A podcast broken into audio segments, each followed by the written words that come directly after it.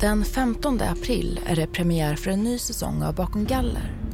Podcasten där Susanna Histrius och jag, Alexandra Sannemalm, träffar människor som dödat eller begått andra grova brott och nu lever sitt liv på anstalt.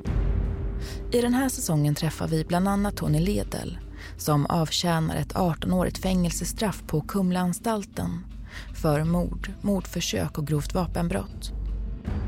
Här kommer ett smakprov ur säsongen som kommer.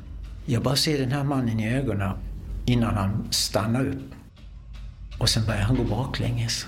Och, och, och vi ser varandra lika nära som du och jag nu. Så närmare är han. Den här mannen, han ligger då skjuten framför dig. Vad tänker du då? Nej, det är klart det är hemskt. Att man har skjutit. Alltså, det går inte att göra ogjort. Utan det är helt otroligt att någon är skjuten på gården och att jag har gjort det. Det, det, det är svårt att förstå.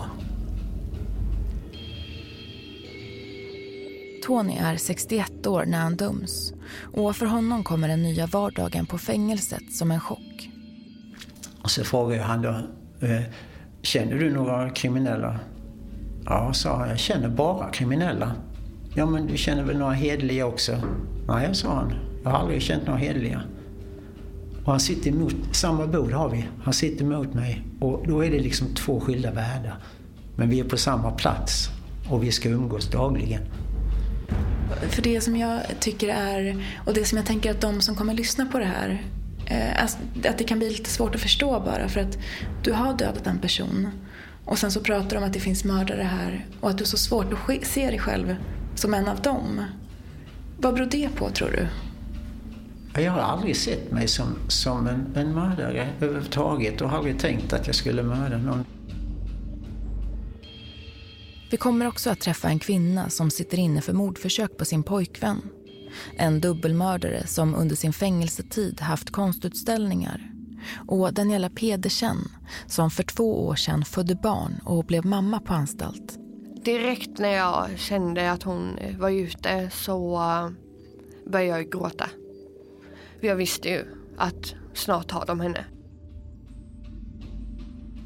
Och hur var det att komma tillbaka till anstalten då utan barn? Alltså jag, både jag och personalen bröt ihop. Eh, jag satt och pratade med en kvinnlig personal och hon sa till mig kämpa nu, kämpa nu för henne. Och hon bröt ihop för hon tyckte det var så sorgligt. Och de såg ju på mig, jag var helt förstörd liksom.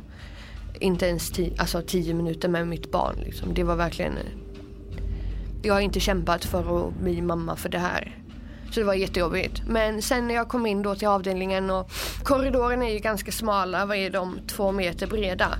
Och då är det dörrar på varje sida där intagna bor. Och då var det alla från varje sida alltså bankade på dörrarna och bara grattis, grattis. Åh, nu har du blivit mamma. Du vet sådär, de verkligen de visste ändå att jag behövde det också, du vet att känna lite glädje i, i min sorg då. Eh, ja, så det var, det var jätte, jättehäftigt. Jag hör bankandet fortfarande än idag i, i mitt huvud. Kommer snart hos Podme.